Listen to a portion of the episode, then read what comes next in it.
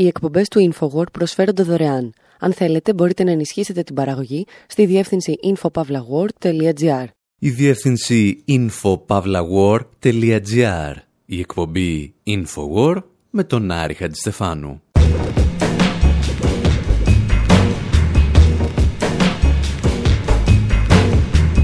όπου σήμερα σβήνουμε 150 κεράκια για τα γενέθλια ενός κοριτσιού που βρέθηκε να επιπλέει σε ένα ποτάμι. Αφήνουμε τον David Bowie, τον Shakespeare, τον Bob Dylan και τον Bertolt Brecht να μας δώσουν τα στοιχεία του ρεπορτάζ και να ζητούμε σύγχρονες και λιγότερο σύγχρονες οφειλίες. Συζητάμε για την Ρόζα Λούξεμπορκ που γεννήθηκε στις 5 Μαρτίου του 1871 και παραμένει μαζί μας ύστερα από 150 χρόνια.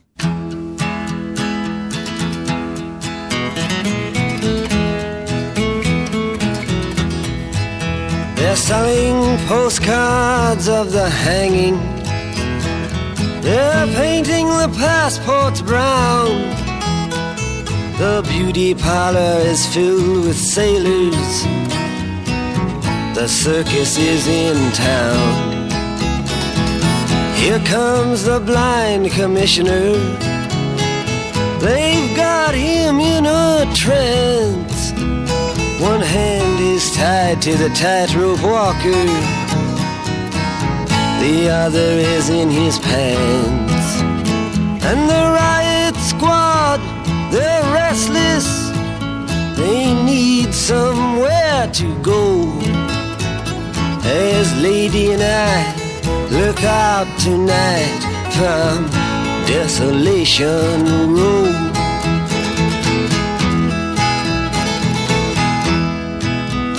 Cinderella, she seems so easy. It takes one to know one, she smiles and puts her hands in her back pocket. Betty Davis style. And in comes Romeo, he's moaning. You belong to me, I believe. Ο Bob Dylan στο Desolation Row αναφέρεται σε ήρωες του Shakespeare, όπως την Οφιλία, και αρκετοί θα υποστηρίξουν ότι δανείζεται αρκετά στοιχεία σουρεαλισμού από τον Γάλλο ποιητή Αρθούρο Ρεμπό. Ίσως μάλιστα να δανείζεται ακόμη και την ιδέα της ίδιας της οφιλίας, για την οποία ο Ρεμπό είχε γράψει ένα από τα διασημότερα ποίηματά του. Ο Ρεμπό περιγράφει το νεκρό σώμα της οφιλίας καθώς κινείται μέσα στο ποτάμι. Το σώμα μιας κοπέλας που οδηγήθηκε στην παράνοια από τις πράξεις του Άμλετ. Η περιγραφή μιας γυναικείας φιγούρας που στη ζωή, όπως και στο θάνατο, κινούνταν στους ρυθμούς που χάρασαν άλλες δυνάμεις για αυτήν. Μέχρι τη στιγμή που ο Μπέρτολ Μπρέχτ θα πάρει το ποίημα του Ρεμπό και θα το γυρίσει ανάποδα για να πατήσει γερά στα πόδια του. Τα έλεγε η Λότε Λένια.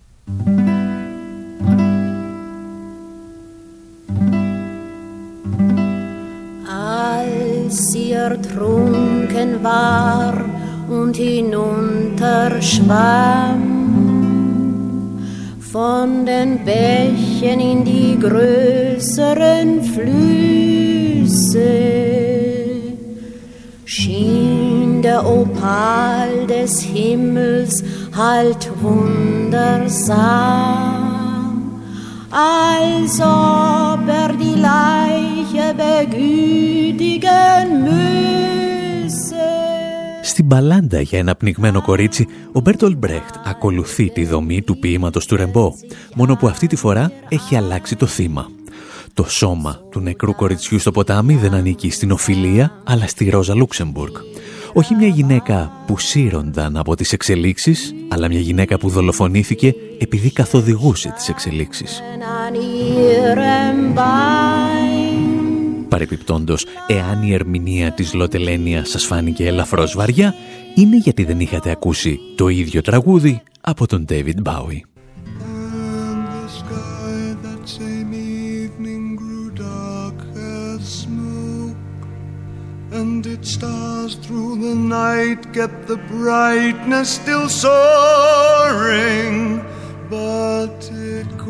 Grew clear when dawn now broke to see that she got one further morning once her pallet trunk had rotted beyond repair. It happened quite slowly Ο David Bowie λοιπόν τραγουδά για την Ρόζα Λούξεμπουργκ, όπως είχε κάνει παλαιότερα η Λότε Λένια για τον Μπέρτολτ Μπρεχτ, ο οποίος εμπνεύστηκε το ποίημα από τον Ρεμπό, ο οποίος είχε εμπνευστεί από τον Σέξπιρ. Rivers just run. Εμείς πάντως σήμερα δεν τιμούμε το θάνατο, αλλά γιορτάζουμε τα γενέθλια της Ρόζα Λούξεμπουργκ. Και γι' αυτό θα αναθέσουμε στο συγκρότημα The Maximilians να μας βάλουν σε ελαφρώς διαφορετικό κλίμα.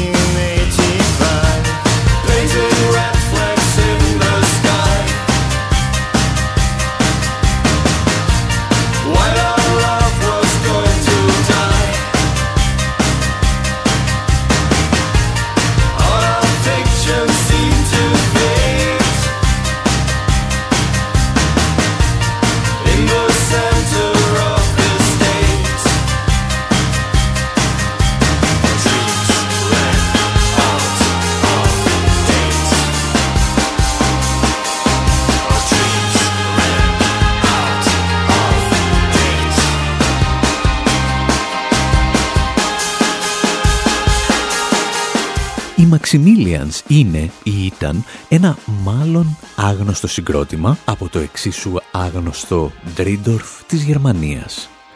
Εδώ τραγουδούν για κάποιες επιστολές της Ρόζα Λούξεμπουργκ και τοποθετούν την ιστορία τους στο 1885.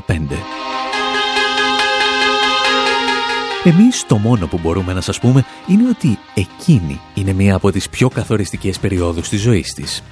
Έρχεται σε επαφή με τα κείμενα του Καρόλου Μάρξ και εντάσσεται στην παράνομη οργάνωση Proletariat στη Βαρσοβία. Lines were hard to take, and only Η Ρόζα Λούξεμπουργκ εκείνη την εποχή τρέφεται και παίρνει δύναμη από όλα τα χαρακτηριστικά της, τα οποία στην εποχή της θεωρούνταν μειονεκτήματα. Ήταν Πολωνή, Εβραία, γυναίκα, μαρξίστρια με σημαντική αναπηρία. Και όπως εξηγούσε ο καθηγητής φιλοσοφίας Πίτερ Χούντις, δεν μάσαγε πουθενά. She was somebody who put up with nothing from anyone, for one, right? Um, here is somebody who's um, a Polish Jewish. Ήταν κάποια που δεν ανεχόταν μίγα στο σπαθί της. Μιλάμε για μια Πολωνή Εβραία γυναίκα και με αναπηρία. Ήδη τέσσερα χτυπήματα της μοίρας εντός εισαγωγικών. Έρχεται στη Γερμανία το 1896 και μέσα σε λίγα χρόνια αναρριχάται προς την ηγεσία του μεγαλύτερου σοσιαλιστικού κόμματος στον πλανήτη. Αλλά δεν το κάνει προσπαθώντας να γλύψει τους αξιωματικούς του κόμματος. Το κάνει στοχεύοντας τους μεγαλύτερους θεωρητικούς της δεύτερης διεθνούς. Αυτό είναι κομμάτι του ανθρωπισμού της. Όταν η Λούξεμπουργκ υποπτεύεται ότι ο Μπέρ Στάιν και άλλοι γύρω του απομακρύνονται από την αρχή της χειραφέτησης που είναι θεμελιώδης στο μαξισμό, στρέφεται εναντίον του στη λεγόμενη ρεβιζιονιστική διαμάχη. Και όταν της λένε να χαμηλώσει τους τόνους, αυτή τους ανεβάζει. And when people tell her to tone it down, uh, she ups the ante. Ο Πίτερ Χούντις, τον οποίο ακούσατε, είναι ένας από τους σημαντικότερους μελετητές της Ρόζα Λούξεμπουργκ. Μεταξύ άλλων, έχει επιμεληθεί τα άπαντα της Μεγάλης Επαναστάτριας για τις εκδόσεις Βέρσο. Πριν από ένα χρόνο συμμετείχε σε ένα ντοκιμαντέρ που επιμελήθηκε το Ίδρυμα Ρόζα Λούξεμπουργκ στο Βερολίνο. Και εκεί του έκαναν διάφορες δύσκολες ερωτήσεις. Όπως τι γνώμη θα είχε η Ρόζα για τη σημερινή δημοκρατία. Luxembourg was a firm a supporter and advocate of democracy, including liberal democracy.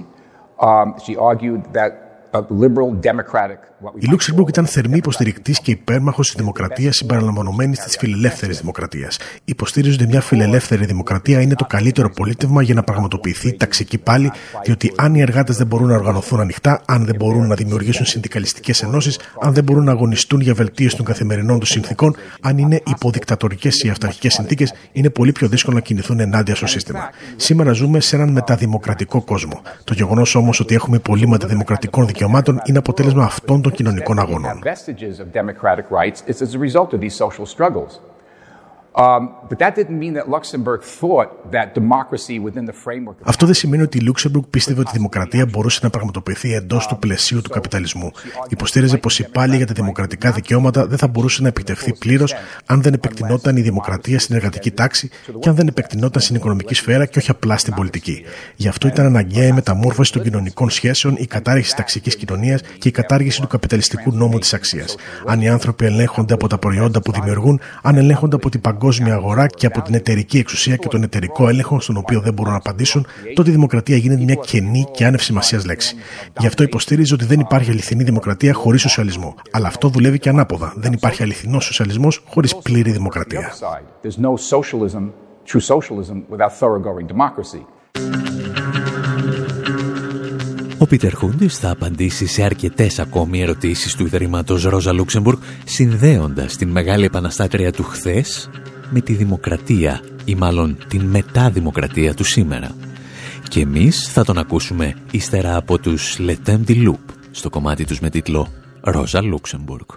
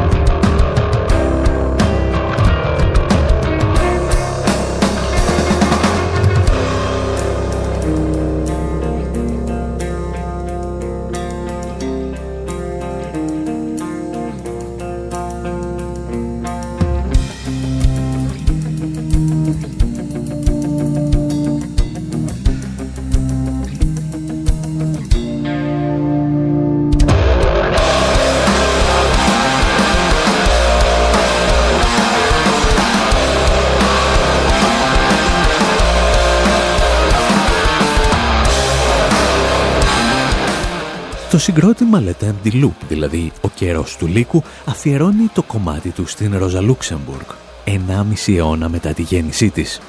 Και εμείς στην εκπομπή Infowar με τον Άρη Χατζηστεφάνου ακούμε σκέψεις για το φιλοσοφικό και το πολιτικό έργο ίσως της σημαντικότερης γυναίκας επαναστάτριας της ιστορίας. Μία από τις μεγαλύτερες συνεισφορές της στη μαρξιστική σκέψη είναι η ανάλυση του υπεριαλισμού, την οποία ανάλυση πραγματοποιεί σχεδόν πριν δημιουργηθεί ο όρος υπεριαλισμός. Το πρόβλημα είναι ότι το κάνει όταν η Γερμανία προετοιμάζεται για τον Πρώτο Παγκόσμιο Πόλεμο και κυρίως όταν η χώρα θέτει τις βάσεις για τη γενοκτονία του Δευτέρου Παγκοσμίου Πολέμου. Very early on, she was only 24 years old at the time in 1895. She had already από πολύ νωρίς, όταν ήταν μόλις 24 χρονών το 1895, παρακολουθούσε με προσοχή το τι συνέβαινε στον υπόλοιπο κόσμο. Αντιλαμβανόταν το πρόβλημα της απεικιοκρατίας και του υπεριαλισμού πριν ακόμα δημιουργηθεί ο όρος υπεριαλισμός. Το 1895 είπε πως ο Συνοϊαπωνικός πόλεμος σηματοδοτεί ένα νέο στάδιο της παγκόσμιας πολιτικής, διότι αυτό που συμβαίνει είναι ένα νέο είδος τεμαχισμού του πλανήτη από τις δυτικές δυνάμεις και την Ιαπωνία που θα οδηγήσει σε τρομερή αναταραχή τις επόμενες δεκαετίες. Το αντιλαμβανόταν αυτό και ήταν πολύ επικριτική απέναντι στη δυτική απεικιοκρατία και τον υπερεαλισμό, ειδικά καθώς έβλεπε τις επιπτώσεις εξελίξεων όπως η γενοκτονία των Άμα και των Χερέρο από τον γερμανικό υπερεαλισμό στη σημερινή Ναμίμπια. Η γενοκτονία διαπράχθηκε από τον στρατηγό Βον Τρότα, ο οποίος αργότερα έγινε μέντορας του νεαρού Αδόλφου Χίτλερ.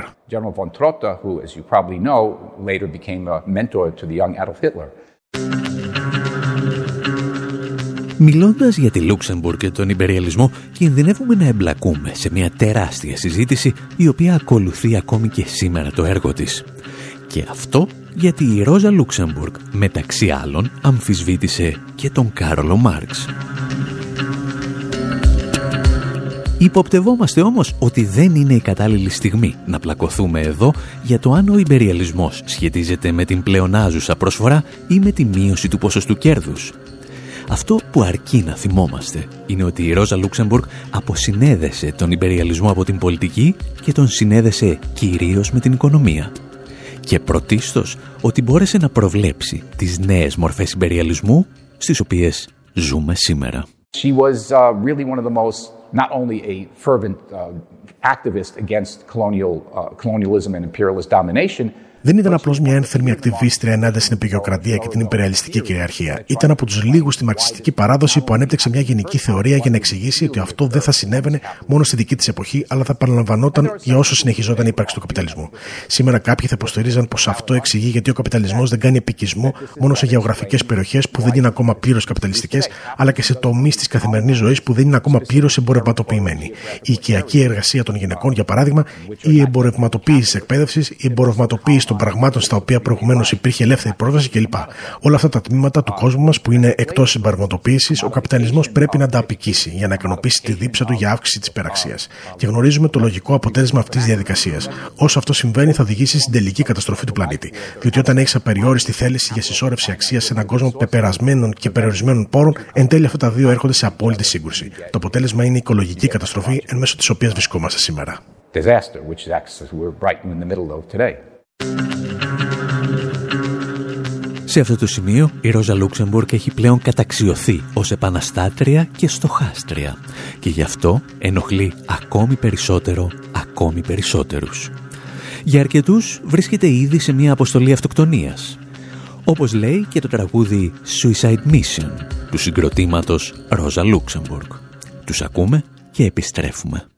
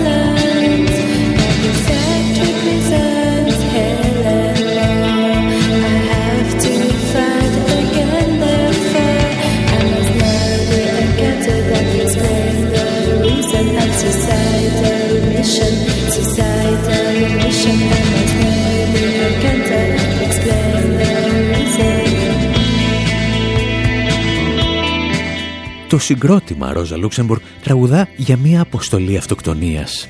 Για ορισμένους, ίσως ο καλύτερος τρόπος να περιγράψει κανείς και την εξέγερση των Σπαρτακιστών στη Γερμανία. Μια εξέγερση στο εσωτερικό μιας επανάστασης, από την οποία θα γεννηθεί η δημοκρατία της Βαϊμάρης. Μια εξέγερση για την οποία η Ρόζα Λούξεμπουργκ ήταν σχεδόν βέβαιη ότι πραγματοποιείται την λάθος στιγμή. Παρ' όλα αυτά, έδωσε όλες τις τις δυνάμεις για να πετύχει. Και το επόμενο ερώτημα είναι ποιο ακριβώς ήταν το όραμα για το οποίο θυσίασε τη ζωή της; Η απάντηση είναι προφανώς ο σοσιαλισμός, αλλά μάλλον δεν αρκεί. Όπως και ο Κάρολος Μάρξ, η Λούξεμπουργκ δεν έδωσε μια ακριβή εικόνα για το ποια θα είναι τα χαρακτηριστικά του σοσιαλισμού. Ίσως γιατί αν το είχε κάνει, δεν θα ήταν σοσιαλισμός. Τα εξηγούσε και πάλι ο καθηγητής φιλοσοφίας Πίτερ Χούντις. So I don't think it's actually true that Marx didn't have a conception of socialism. I actually wrote a book to argue that he does. Marx is... Δεν νομίζω ότι είναι αλήθεια πως ο Μάρξ δεν είχε ένα όραμα για τη μορφή του σοσιαλισμού. Έχω γράψει μάλιστα ένα βιβλίο που λέει ότι είχε. Νομίζω όμως ότι ο Μάρξ πίστευε ότι δεν πρέπει να παρουσιάζεται ως ένα σχέδιο ή πρόγραμμα που επιβάλλεται έξω από την αυθόρμητη πάλι των τάξεων. Αλλά είχε μια αντίληψη του σοσιαλισμού που πάλεψε με πολλούς σοσιαλιστές για να ξεκαθαρίσει αυτή την αντίληψη, ενάντια σε αυτούς που δεν την καταλάβαιναν σωστά. Νομίζω πως η Λούξεμπουργκ είχε παρόμοιες θέσεις σε αυτό το ζήτημα. Δεν ήθελε όμως να ορίσει ένα λεπτομερές σχέδιο για τον ίδιο λόγο που είπε ο Eugene Debs, ο μεγάλος Αμερικανός σοσιαλιστής. Δεν θέλω να οδηγήσω εγώ τις μάζες στη γη της επαγγελίας του σοσιαλισμού, γιατί αν μπορούσα να τις βάλω εγώ μέσα, ύστερα θα μπορούσα να τις βγάλω και έξω από αυτήν.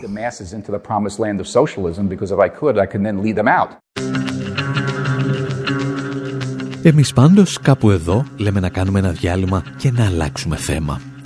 Στο ερώτημα εάν αυτό το πρώτο μέρος της εκπομπής έπρεπε να κλείσει με ένα τραγούδι του Μητροπάνου για τη Ρόζα Λούξεμπουργκ ή με τα υπόγεια ρεύματα, επιλέξαμε το δεύτερο. Σταθερά και στα δύο τραγούδια, ο Θάνος Μικρούτσικος.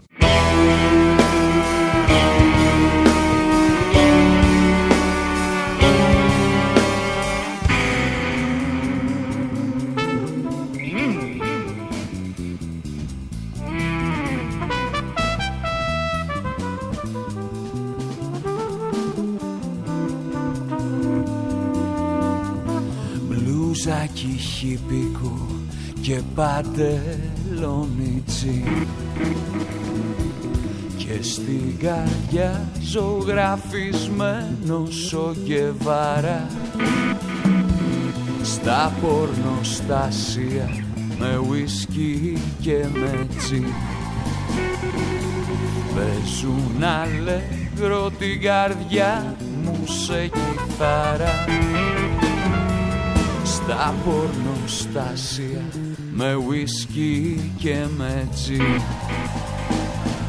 παίζουν αλέγκρο την καρδιά μου σε κιθάρα.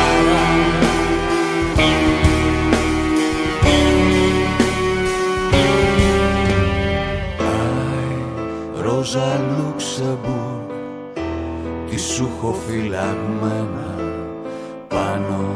στο καροσίδα στα 907 εγώ τότε κοιμόμουνα στο φως του 21 και 60 χρόνια αργότερα σε βρήκα στα χαρτιά. Άι, Ρόζα Λουξεμβούργ τι σου έχω φυλαγμένα πάνω στο καροσίδα στα 907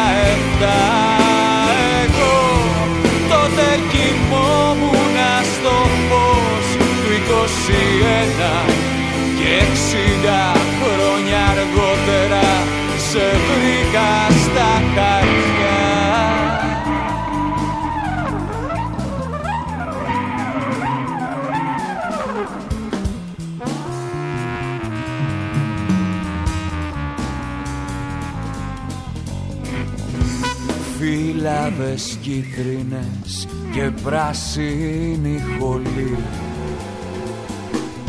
Τα νιάτα σου, τα νιάτα μου και μπορεί.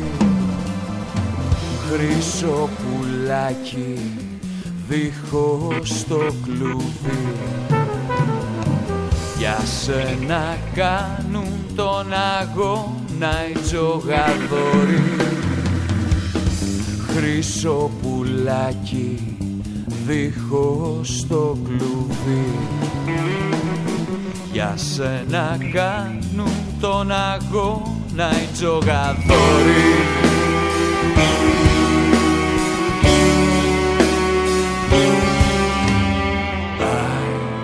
Ρόζα Λουξεμπουργκ Τι σου έχω φυλαγμένα Πάνω στο καροσίδα Στα 907 Εγώ τότε κοιμόμουνα στο φως του 21 και 60 χρόνια αργότερα σε βρήκα στα χαρτιά. Ρόζα Λουξεμβούργ Τι σου έχω φυλαγμένα Πάνω στο καροσίδα Στα 907 Εγώ τότε κοιμόμουνα στο φως του 21 και 60 χρόνια αργότερα σε βρήκα στα χαρτιά. Ρόζα Λουξεμβούργ Τι σου έχω φυλαγμένα Πάνω στο καροσίδα Στα 907 Εγώ τότε κοιμόμουνα στο φως του 21 και 60 χρόνια αργότερα σε βρήκα στα χαρτιά Οι εκπομπές του InfoWord προσφέρονται δωρεάν. Αν θέλετε, μπορείτε να ενισχύσετε την παραγωγή στη διεύθυνση infopavlagor.gr.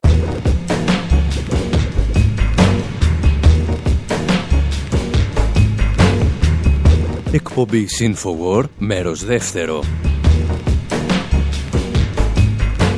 Όπου συζητάμε για κρατούμενους που προχωρούν σε απεργία πείνας διεκδικώντας ανθρώπινες συνθήκες μέσα σε φυλακές ύψης της ασφαλείας. Αφήνουμε για λίγο στην άκρη τους λόγους για τους οποίους βρέθηκαν στη φυλακή, ουσιαστικά δηλαδή αφήνουμε στην άκρη τις απόψεις μας για την αναποτελεσματικότητα της τρομοκρατίας και παρακολουθούμε μερικούς γίγαντες αξιοπρέπειας σε μια μάχη ζωής και θανάτου. Ταξιδεύουμε από το Μπέλφας της Βόρειας Ιρλανδίας στα λευκά κελιά της Γερμανίας, έχοντας πάντα στο μυαλό μας τους κρατούμενους απεργούς πείνας στην Ελλάδα και φυσικά στην Τουρκία. Πρώτος σταθμός λοιπόν, Belfast.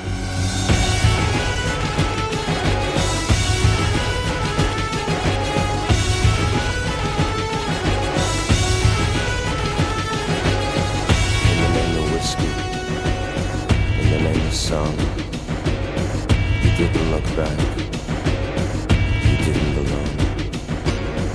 In the name of reason, in the name of hope, in the name of religion, in the name of dope, in the name of freedom, you drifted away to see the sun shining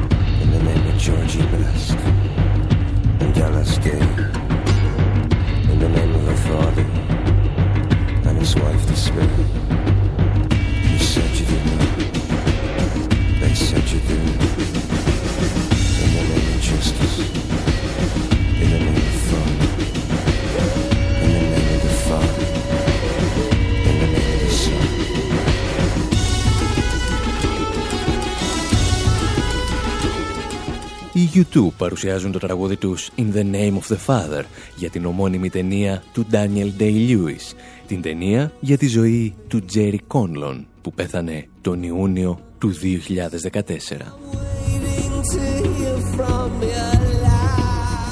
Τραγουδούν για έναν άνθρωπο που κατηγορήθηκε για μια διπλή βομβιστική επίθεση του Ήρα, στην οποία ο ίδιος δεν είχε καμία εμπλοκή.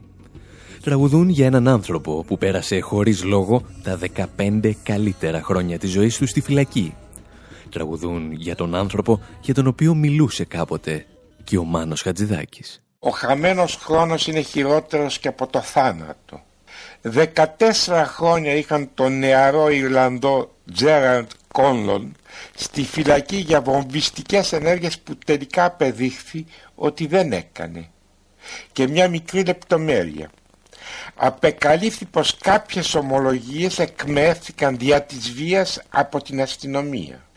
Επιτέλους πώς θα απαλλαγούμε από την προστασία της αστυνομίας; Από πού κινδυνεύει η ελευθερία μας για να μας προστατεύει η διαστραμμένη αυτή υπόθεση που λέγεται παντού αστυνομία αν ήμουν εγώ ο Τζέραντ Κόνλον θα βάζα φωτιά σε ολόκληρη την Αγγλία εδώ απλώς κάνω μια εκπομπή και βάζω την κατάλληλη μουσική.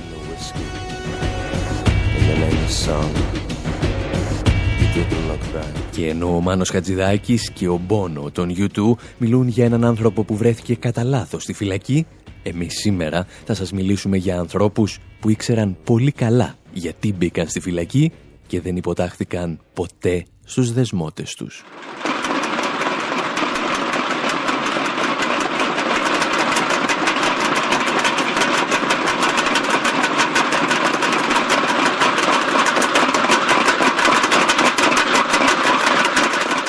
Ξημερώματα 5ης Μαΐου του 1981, οι καθολικές συνοικίες του Μπέλφαστ ξυπνούν από έναν παράξενο ήχο. Χιλιάδες άνθρωποι χτυπούν στο δρόμο τα μεταλλικά καπάκια από τους κάδους απορριμμάτων. Είναι το παραδοσιακό σύνθημα που χρησιμοποιούν οι καθολικοί της Ιρλανδίας όταν αντιμετωπίζουν κίνδυνο. Ένας απεσταλμένος του BBC αναλαμβάνει να εξηγήσει τι ακριβώς είχε συμβεί; Είναι τρεις τα ξημερώματα στο δυτικό Μπέλφαστ, στο σπίτι του Μπόμπι Σάντ. Πριν από μία ώρα έφτασε και σε αυτή την περιοχή η είδηση ότι ο Μπόμπι Σάντ πέθανε ύστερα από 66 μέρες απεργία πείνας.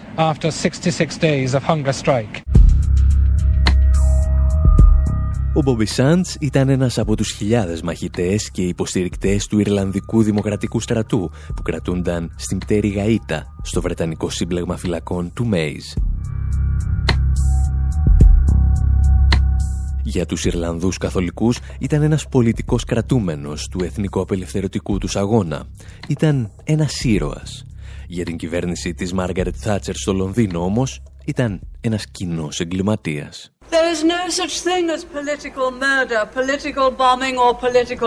Δεν υπάρχει πολιτική δολοφονία, πολιτική βομβιστική επίθεση ή πολιτική βία. Υπάρχει μόνο εγκληματική δολοφονία, η εγκληματική βομβιστική επίθεση και εγκληματική βία. Δεν θα υποχωρήσουμε σε αυτό το θέμα.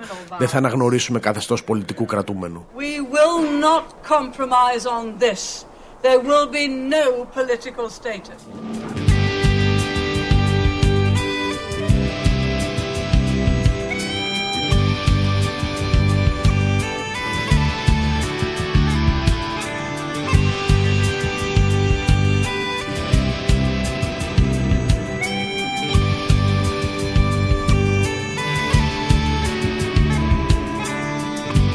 Bobby Sands, MP. Born in the city of Belfast. Divided by religion. I grew up fast. I was stabbed and I was spat upon. Family ran out of its home. There's only one solution. Turn the whole system upside down. But the system had other ideas. I got lifted for carrying a gun. In a trial without a jury. I got 14 years from the judge.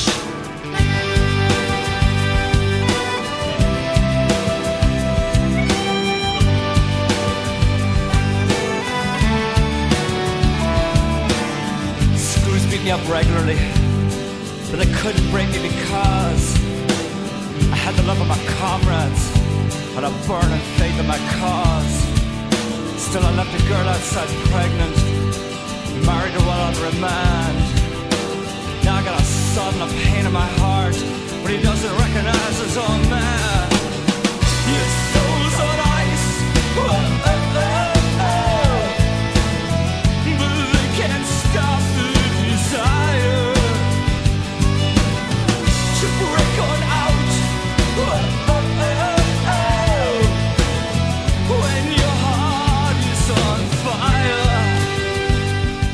Ο Bobby Sands, για τον οποίο τραγουδούν εδώ οι Green Suede Shoes, είναι ο πρώτος κρατούμενος που θα πεθάνει ζητώντας να αναγνωριστεί ως πολιτικός κρατούμενος. Carpet clothes. So let's chop this in a bone. Οι μαχητές του Ήρα αρνούνται να φορέσουν τη στολή των κρατουμένων και προτιμούν να κυκλοφορούν γυμνοί στα κελιά τους, τυλιγμένοι μόνο με μία κουβέρτα. As we slopped out down the halls. We wouldn't come out. Είναι πλέον οι λεγόμενοι Blanket Men, οι άνθρωποι κουβέρτες για τους οποίους τραγουδούσε τότε ο Κρίστι Μουρ.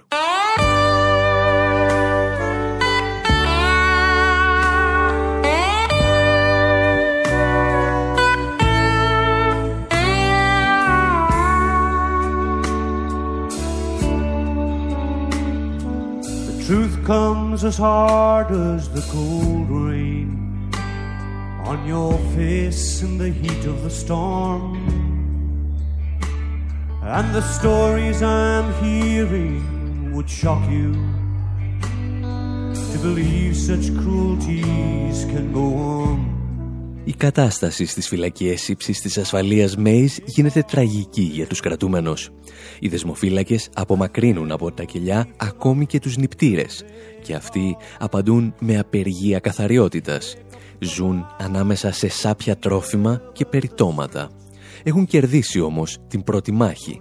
Η διεθνής κοινότητα μαθαίνει την ύπαρξή τους. The truth must be told so well tell Η μάχη των κρατουμένων με τη Βρετανική κυβέρνηση έχει μετατραπεί πλέον σε ένα παίγνιο μηδενικού αθρίσματος. Καμία πλευρά δεν δέχεται να υποχωρήσει, θεωρώντας ότι έτσι θα προσφέρει τη νίκη στον αντίπαλό της. A criminal and to wear prison clothes. Ο γνωστότερος από τους κρατούμενους, ο Μπόμπι Σάντς, ετοιμάζεται πλέον να μονομαχήσει προσωπικά με τη Μάργαρετ Θάτσερ. Χρησιμοποιεί το τελευταίο όπλο που έχει στη διάθεσή του, την απεργία πείνας. And they kept him awake till the cold. Και αυτή του απαντά με τον τρόπο μιας σιδηράς κυρίας. The men of violence have chosen in recent months to play what may well be their last card. Οι άνθρωποι της βίας αποφάσισαν τους τελευταίους μήνες να παίξουν το τελευταίο τους χαρτί. Έστρεψαν τη βία ενάντια στον εαυτό τους, πραγματοποιώντας απεργία πείνας μέχρι θανάτου. Φαίνεται ότι απευθύνονται στο βασικότερο ανθρώπινο συνέστημα, το νύκτο. They seek to work on the most basic of human emotions pity. Αρκετοί ακόμη κρατούμενοι θα ακολουθήσουν τον Μπόμπι Σάντ στην απεργία πείνας. Η Βρετανική κυβέρνηση εξακολουθεί να τους αντιμετωπίζει σαν κοινούς εγκληματίες, υποστηρίζοντας ότι δεν εκπροσωπούν κανέναν. Μέχρι τη στιγμή που το BBC ανακοινώνει μια περίεργη είδηση.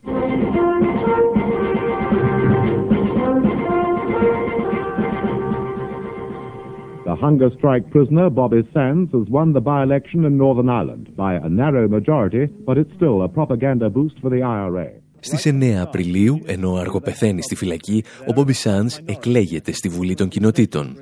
Συγκεντρώνει 3.942 ψήφους και καλύπτει τη θέση ενός ανεξάρτητου πρώην βουλευτή που έχει μόλις πεθάνει. Ο άνθρωπος που σύμφωνα με τη Θάτσερ δεν εκπροσωπεί κανέναν έχει 31.000 ψηφοφόρους. Ο βουλευτής κρατούμενος θα πεθάνει ένα μήνα αργότερα, χαράματα της 5ης Μαΐου, ύστερα από 66 ημέρες απεργίας πείνας. Προηγουμένως είχε χάσει την όρασή του και όπως έλεγαν οι γονείς του, θύμιζε πλέον ένα σακί με κόκαλα. Και ο Μπόμπι Σάντς δεν είναι ο μόνος πολιτικός κρατούμενος που θα πεθάνει σε φυλακές ύψης της ασφαλείας της Ευρώπης. Τα λευκά κελιά που έχουμε συνηθίσει να συσχετίζουμε με τους πολιτικούς κρατούμενους στην Τουρκία θα πάρουν τη σημερινή τους μορφή στη Γερμανία, στο σύμπλεγμα φυλακών του Στάμχάιμ. Εκεί όπου κρατούνταν ο ηγετικός πυρήνας της γερμανικής τρομοκρατικής οργάνωσης Φράξια Κόκκινο Στρατός. μικρός πρόλογος από την Marian Faithful σε σπαστά αγγλικά και επιστρέφουμε.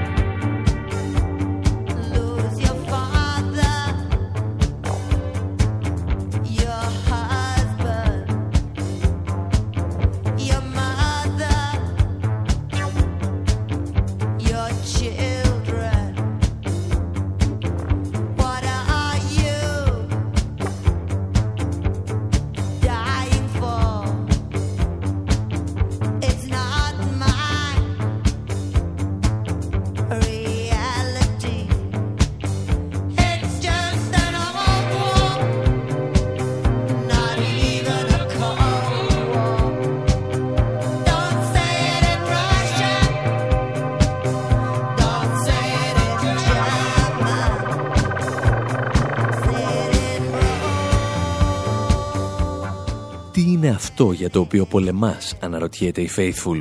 Σίγουρα όχι για την ασφάλειά μου. Είναι ένας παλιός πόλεμος. Ούτε καν ψυχρός πόλεμος. Η Faithful αφιερώνει το τραγούδι της Broken English σε έναν από τους ιδρυτές της τρομοκρατικής οργάνωσης Φράξια Κόκκινο Στρατός. Το αφιερώνει στην Ούλρικε Μάινχοφ. Τη γυναίκα που σε μία ημέρα πέρασε από τη μαχητική δημοσιογραφία στις τάξεις της σκληρότερης τρομοκρατικής οργάνωσης στη μεταπολεμική Ευρώπη. Την ιστορία όμως της φράξιας Κόκκινος Στρατός θα τη βρείτε σε παλαιότερη εκπομπή του Infowar. Γιατί εμείς σήμερα ενδιαφερόμαστε μόνο για το σύμπλεγμα των φυλακών του Στάμχάιμ, εκεί όπου οδηγείται ο ηγετικός πυρήνας της οργάνωσης. Η φράξια Κόκκινο Στρατός διαμένει σε μια ειδική πτέρυγα των φυλακών που διαμορφώνεται μόνο για αυτή, εκεί όπου θα πραγματοποιηθεί και η δίκη της οργάνωσης. Τουλάχιστον 400 μέλη των ειδικών δυνάμεων της αστυνομίας φρουρούν τις εγκαταστάσεις 24 ώρες το 24ωρο, χρησιμοποιώντας σκυλιά, ελεύθερους σκοπευτές και ελικόπτερα.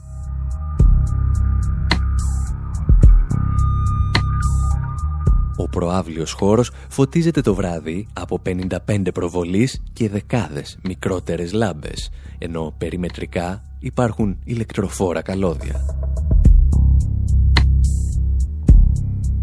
Στο εσωτερικό, οι δεσμοφύλακες δοκιμάζουν τα λευκά κελιά, μια μορφή ψυχολογικών βασανιστήριων που θα αντιγράψουν αργότερα αρκετές ακόμη χώρες στην καρδιά ή στην περιφέρεια της Ευρώπης. Για την ιστορία, η ελληνική τότε κυβέρνηση του Κωνσταντίνου Καραμανλή δεν θα διστάσει να εκδώσει έναν ύποπτο τρομοκρατίας για να οδηγηθεί στα λευκά κελιά, παρά το γεγονός ότι είναι γνωστό ότι λειτουργούν σαν μια μορφή τρομοκρατίας. Η κυβέρνηση εκδίδει τον Ρόλφ Πόλε. Επίσης για την ιστορία, εναντίον της έκδοσης είχε ταχθεί τότε κάποιος κύριος Χρήστος Αρτζετάκης, Την τελική απόφαση όμως ενέκρινε ο εισαγγελέας του Αριού Πάγου Ευστάθιος Μπλέτσας. Ο Μπλέτσας, που όπως διαβάζαμε και στα λευκόματα της καθημερινής, ήταν γνωστός για τις φιλοχουντικές του τάσεις. Η ζωή όμως στις φυλακές του Στάμχάιμ, όπως και η ιστορία μας, συνεχίζονται. Τουλάχιστον για μερικούς. Γιατί στις 9 Μαΐου του 1976 η Ουλρίκε Μάινχοφ, ιδρυτικός τέλεχος της οργάνωσης, βρίσκεται απαγχωνισμένη στο κελί της. Η επίσημη εκδοχή μιλά για αυτοκτονία. Μια εκδοχή που δεν αποδέχεται κανένα μέλος της οργάνωσης. Όπως δεν φαίνεται να τη δέχεται και ο Λουκ Χέινς που της αφιερώνει το τραγούδι του «Bader Meinhof».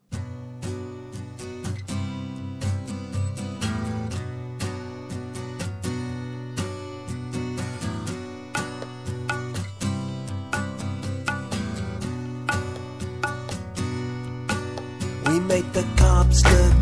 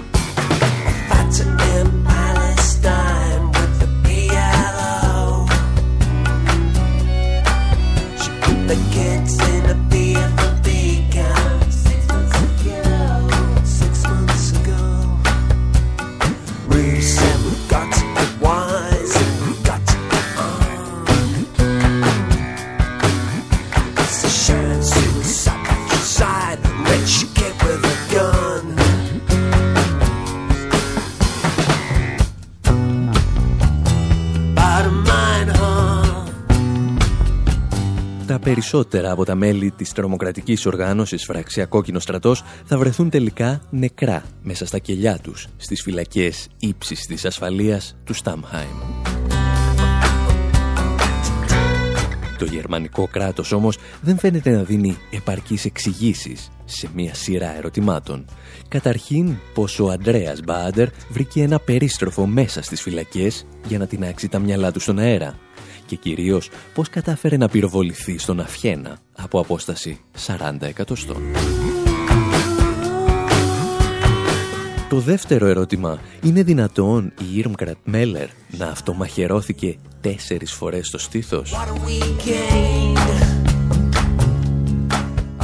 Επίσης, γίνεται το όπλο του Γιάν Καρλ Ράσπε να βρέθηκε στο χέρι του. Δεν ήταν λογικό να πέσει μόλις αυτός πυροβολήθηκε στον κρόταφο, όπως υποστηρίζει η αστυνομία. Ιστορίες για τις οποίες ίσως να μην μάθουμε ποτέ την αλήθεια.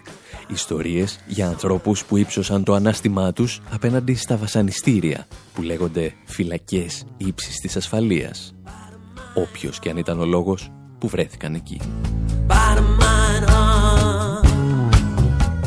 Ιστορίες που αποδεικνύουν ότι κανένα σύμπλεγμα φυλακών δεν μπορεί να σπάσει τους μέσα αν αυτοί είναι αποφασισμένοι να αντισταθούν. Ιστορίες εν τέλει που επιβεβαιώνουν ότι αυτού του είδους οι φυλακές φτιάχνονται κυρίως για να σπάνε τους απ' έξω. Στο σημείο αυτό όμως θα σας αφήσουμε και για αυτή την εβδομάδα. Μέχρι την επόμενη εβδομάδα από τον Άρη Χατζηστεφάνου στο μικρόφωνο και τον Δημήτρη Σταθόπουλο στην τεχνική επιμέλεια. Γεια σας και χαρά σας. Hello, I'm Johnny Cash.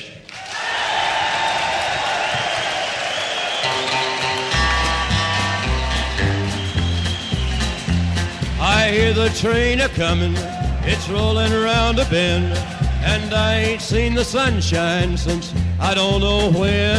I'm stuck in Folsom Prison, and time keeps dragging on. But that train keeps a rolling on down to San Antone. When I was just a baby, my mama told me, son, always be a good boy, don't ever play with guns. But I shot a man in Reno just to watch him die.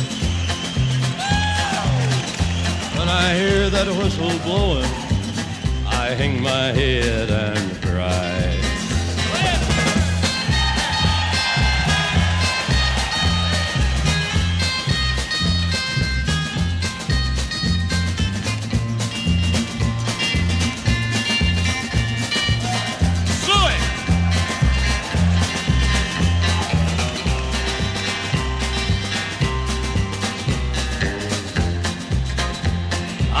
There's rich folks eating from a fancy dining car. They're probably drinking coffee and smoking big cigars. Well, I know I had it coming. I know I can't be free. But those people keep a moving, and that's what tortures me.